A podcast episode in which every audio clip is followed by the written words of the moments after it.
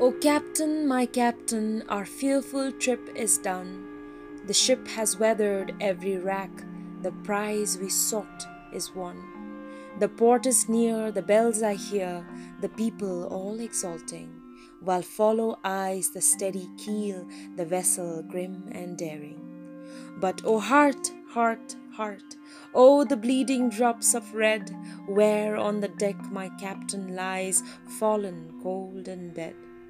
O Captain, my Captain, rise up and hear the bells. Rise up, for you the flag is flung, for you the bugle trills, for you bouquets and ribbons wreaths.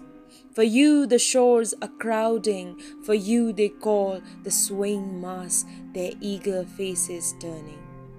Here, Captain, dear father, this arm beneath your head, it is some dream that on the deck you've fallen cold and dead. My captain does not answer. His lips are pale and still.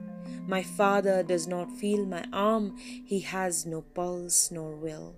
The ship is anchored safe and sound, its voyage closed and done. From fearful trip, the victor ship comes in with object won. Exult, O shores, and ring, O bells, but I, with mournful tread, walk the deck my captain lies fallen cold and dead.